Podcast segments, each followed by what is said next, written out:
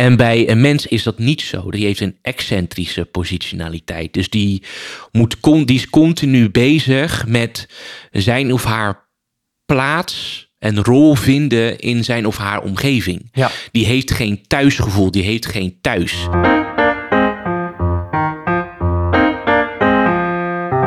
Een gesprek over maatschappelijke onderwerpen waar de mitsen, maren en nuances worden opgezocht. Mijn naam is Lars Bentin, ik ben bestuurskundige en schrijver. Ik ben Erik van der Plicht, docent maatschappijwetenschappen en socioloog. Welkom bij Gezwever, de podcast.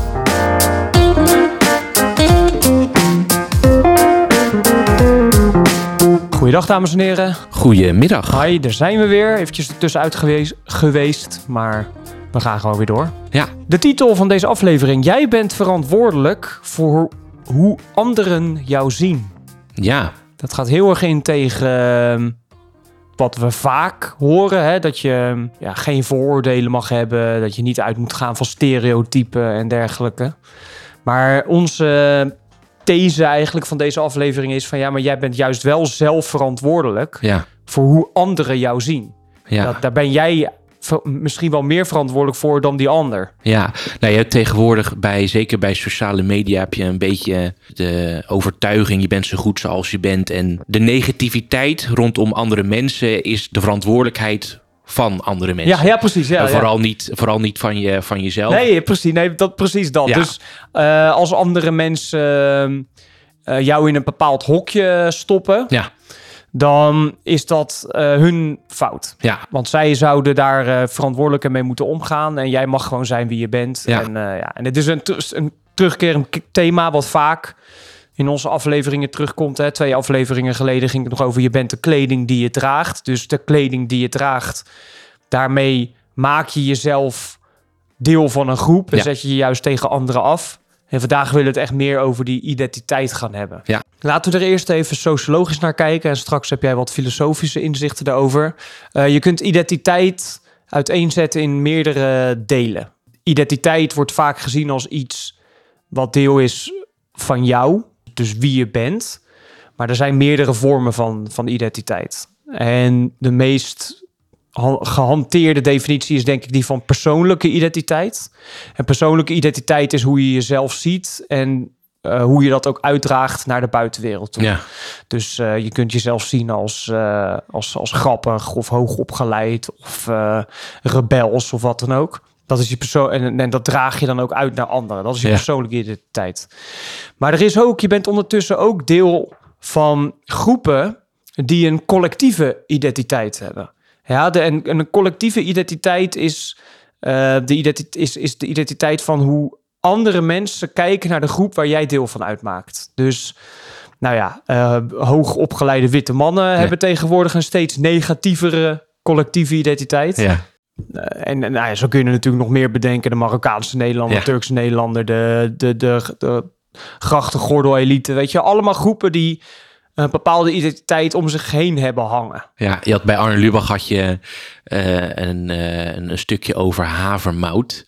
eh, of havermelk. Ja, de havermelk-elite. Dat tegenwoordig de, de, de, wat, wat Rutte dan eerst noemde... de witte wijnsippende grachtengordel-elite... is Ja. dan nu de, de havermelk drinkende ja. elite. Precies, en dat is, je, je kan eigenlijk, als je die, die, die groep ziet, dan hangt daar een identiteit omheen. Ja, En die identiteit, dat is het mooie. Ehm, die identiteit van hoe anderen, dus die collectieve identiteit van hoe anderen naar hen kijken, dat wordt ook wel de externe collectieve identiteit genoemd, is anders, kan anders zijn dan de interne collectieve identiteit. Want de interne collectieve identiteit is hoe een groep naar zichzelf Ja. kijkt.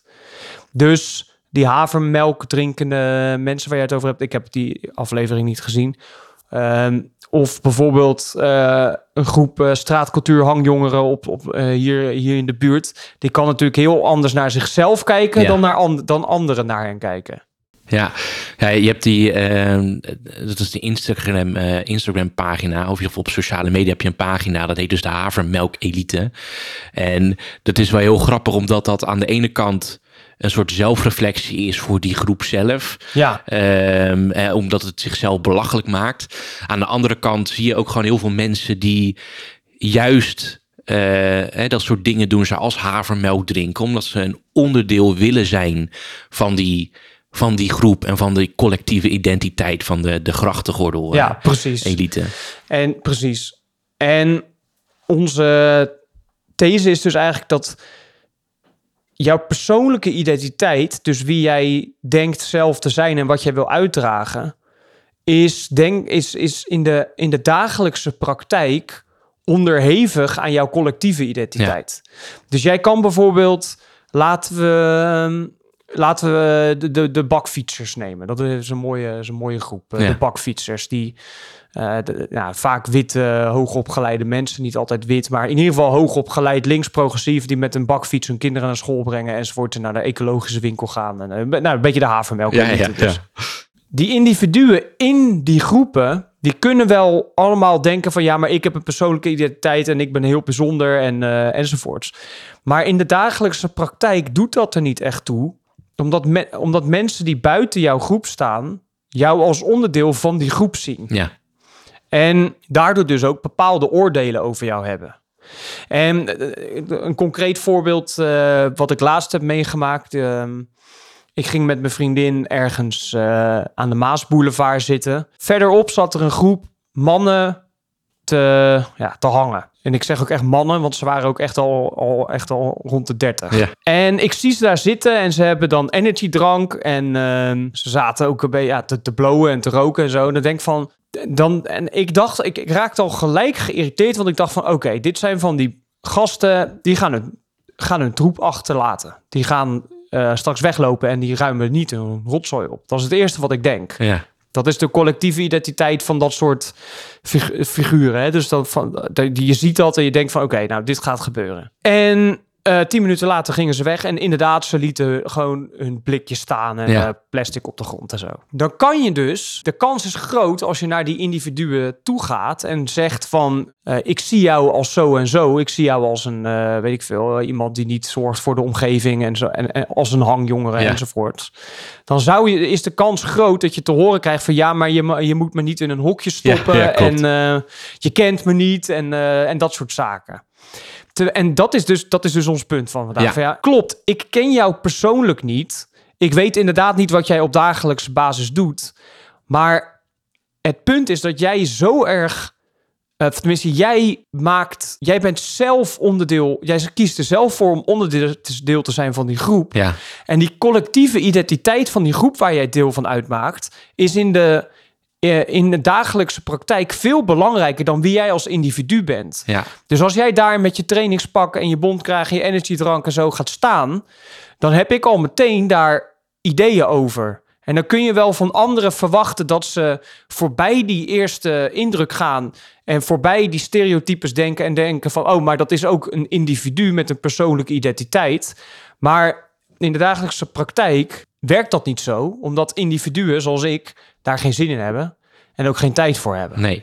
Dus ik zie, je, ik zie jou als, als een onderdeel van die groep. Die groep hangt bepaalde stereotypen omheen. En wat in de praktijk en de realiteit heel vaak ook zo is, is dat die stereotypen ook heel vaak weer worden bevestigd. Want inderdaad, jij laat alsnog met je groepje troep achter. En Ja. je, dus het is eigenlijk je eigen verantwoordelijk. Het is jouw verantwoordelijkheid dat jij onderdeel bent van die groep. Ja.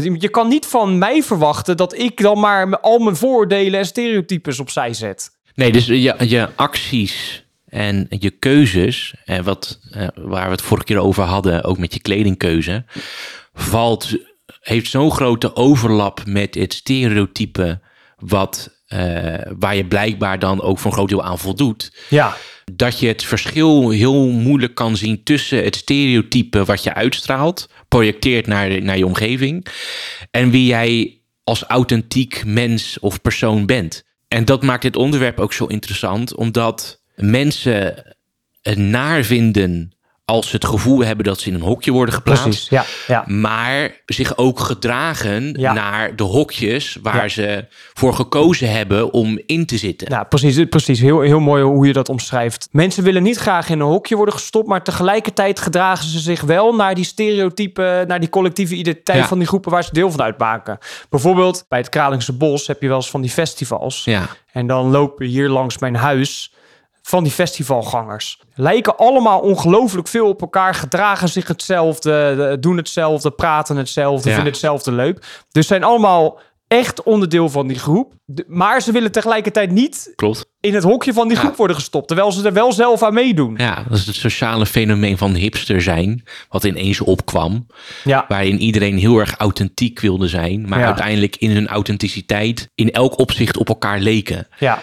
Dus die hele hipsterbeweging is daar een, een, een uitermate eh, interessant en ook leuk voorbeeld eh, van. Precies. En daarbij ook nog de, de, wat mij betreft, praktische uitwerking. Dat mensen wel degelijk te categoriseren zijn. Ja.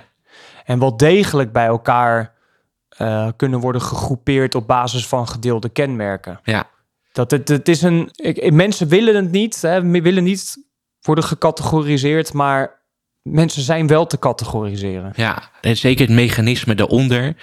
Want je hebt mensen, die- ik weet niet of mensen hem kennen, maar Jean-Paul Sartre, dat is een filosoof, een existentieel filosoof, existentialist.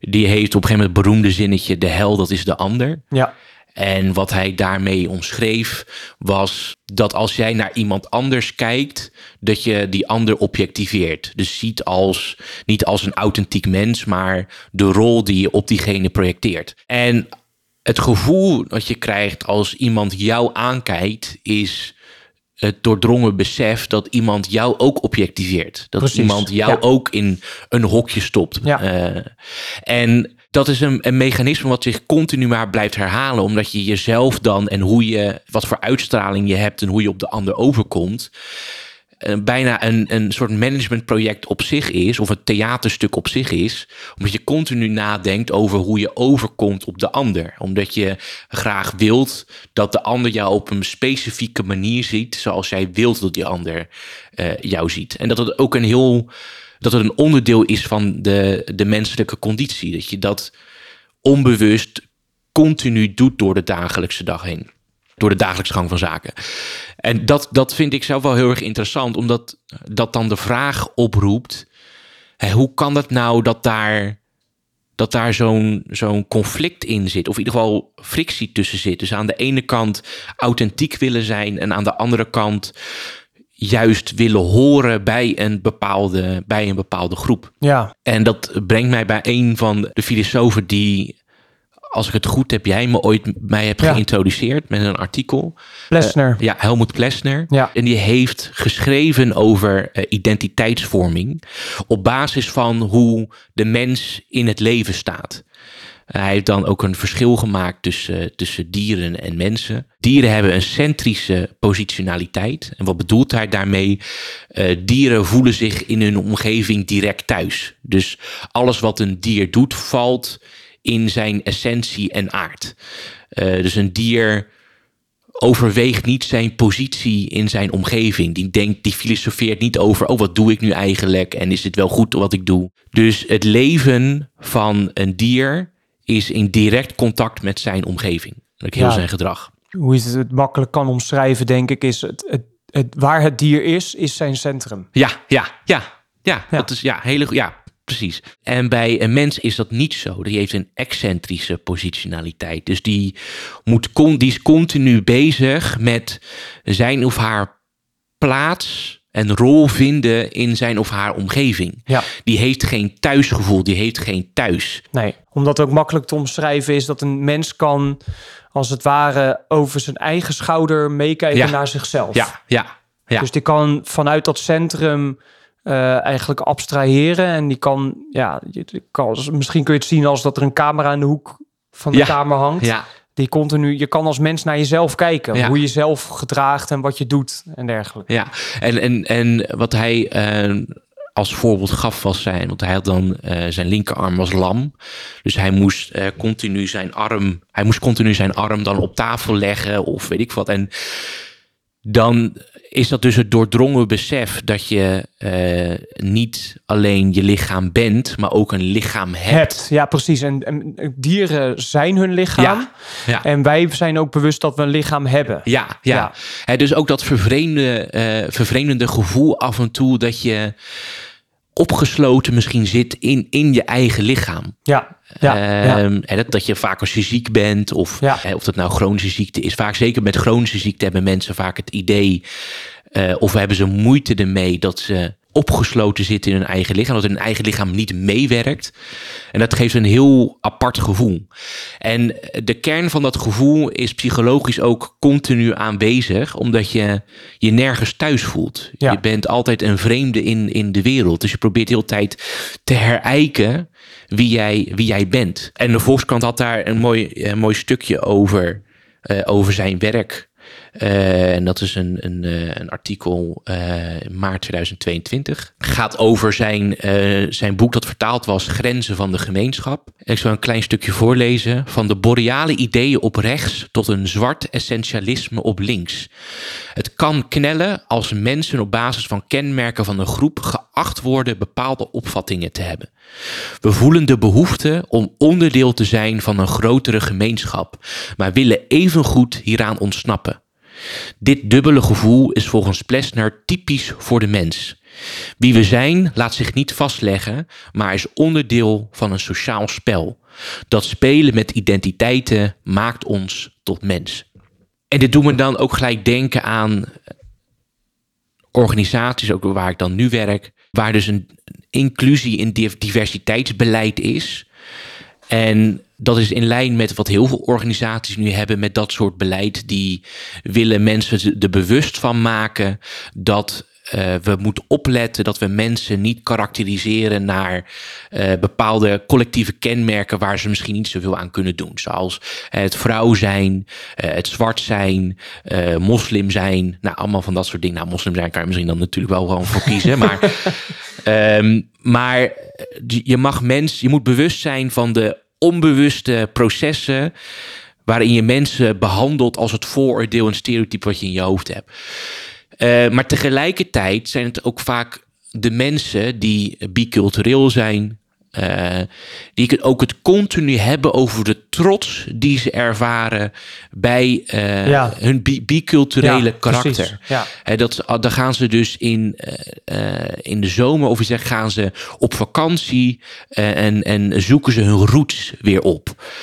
Ehm, dan gaan ze naar Marokko, naar Turkije, naar Suriname, Kaapverdië, weet ik wat allemaal.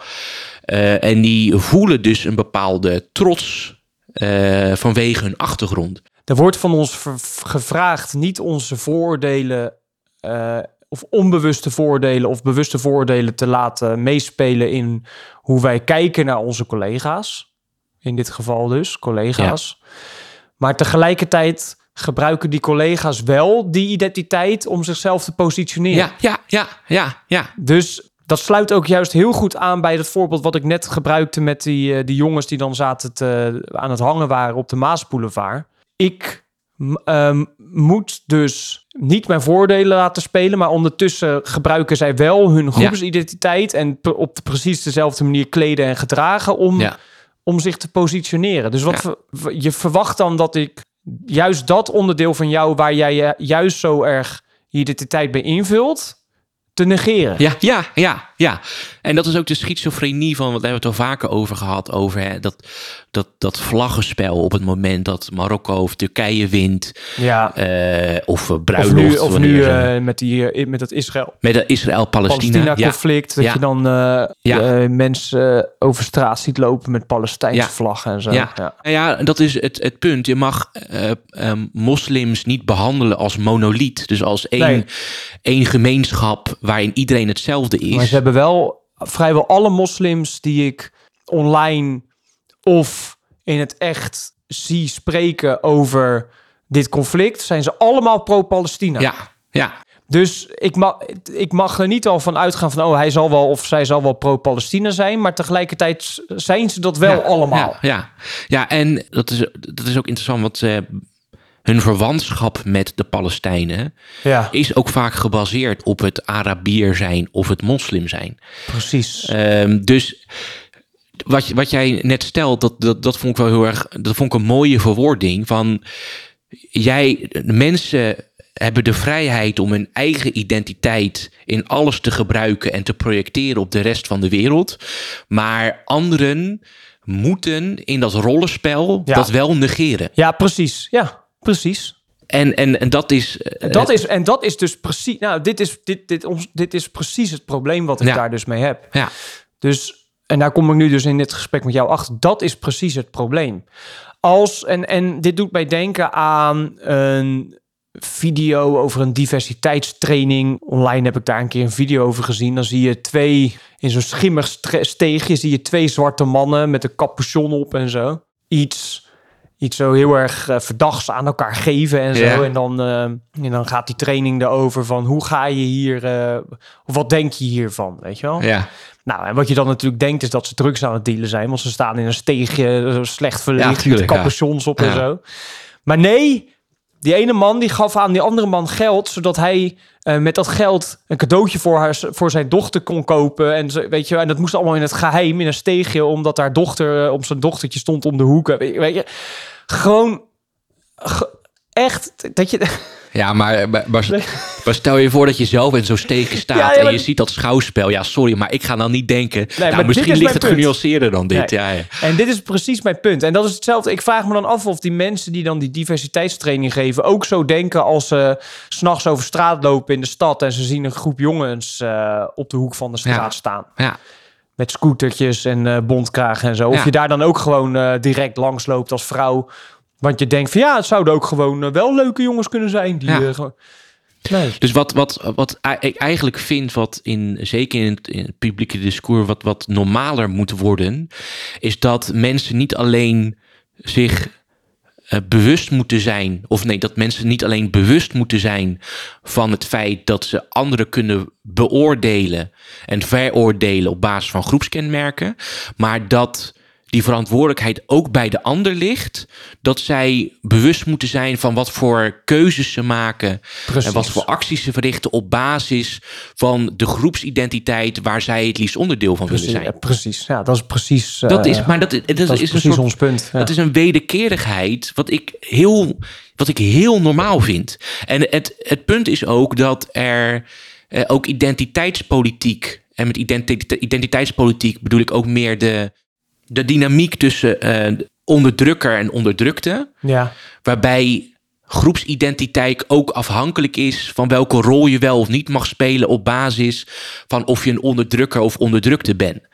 Dus als je een, eh, als je een, een witte man bent, dan mag je eigenlijk ook niet meer onbezorgd onderdeel zijn, actief onderdeel zijn van die, van die identiteit, eh, omdat je ook onderdrukker bent.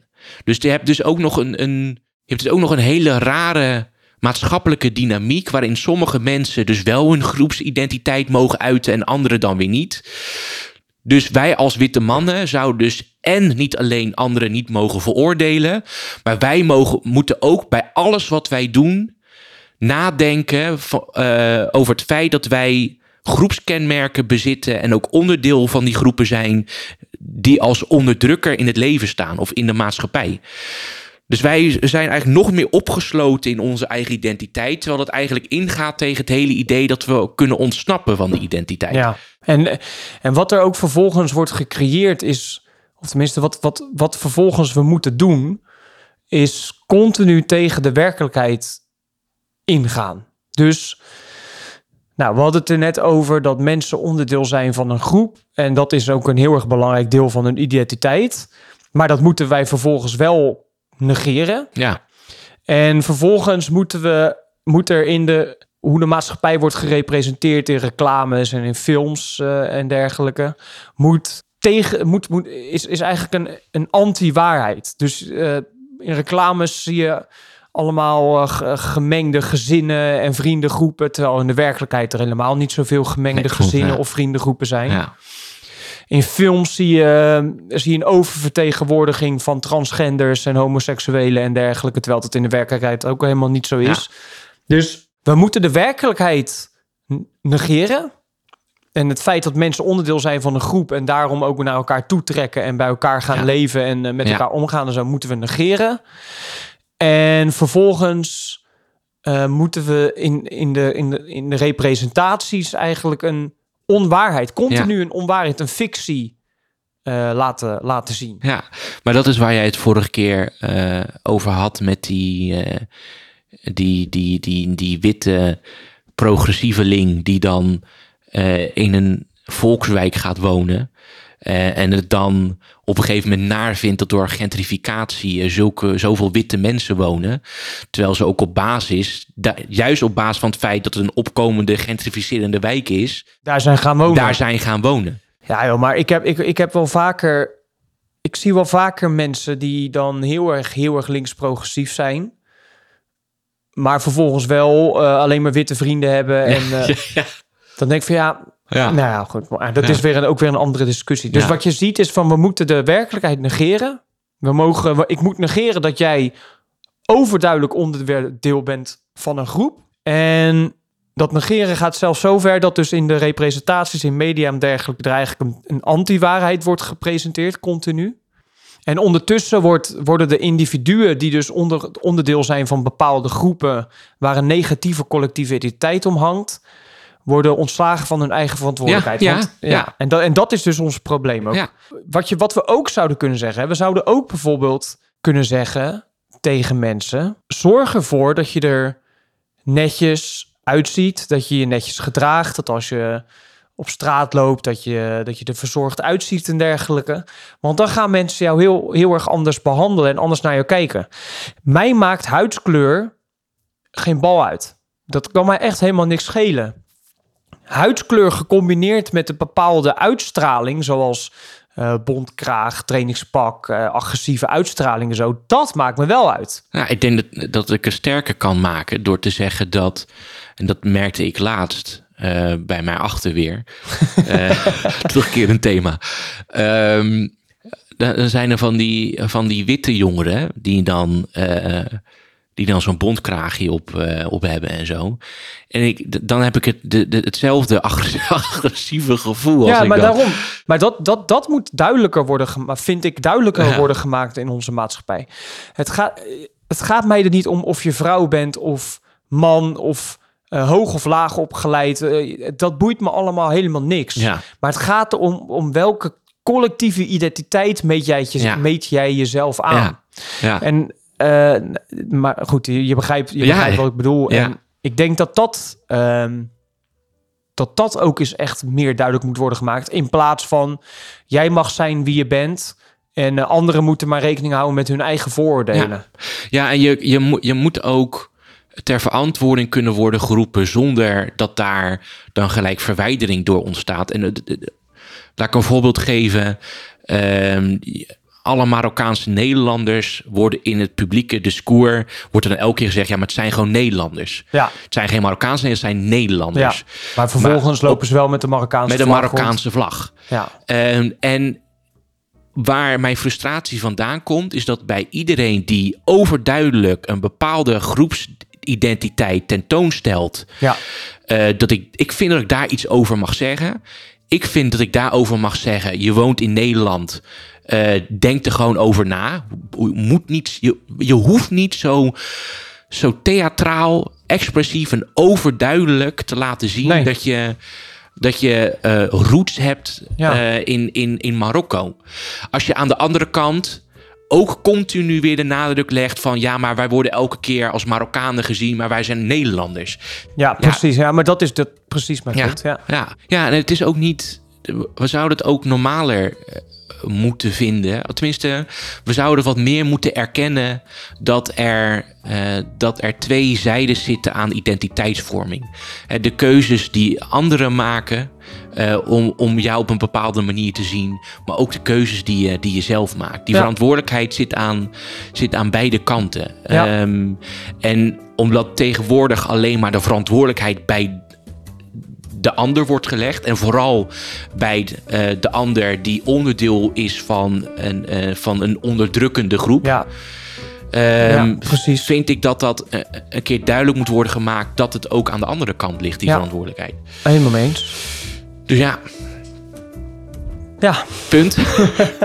dankjewel weer. ja, alsjeblieft. Leuk. En dan zien we elkaar snel weer. Ja, Oké, joe. doei.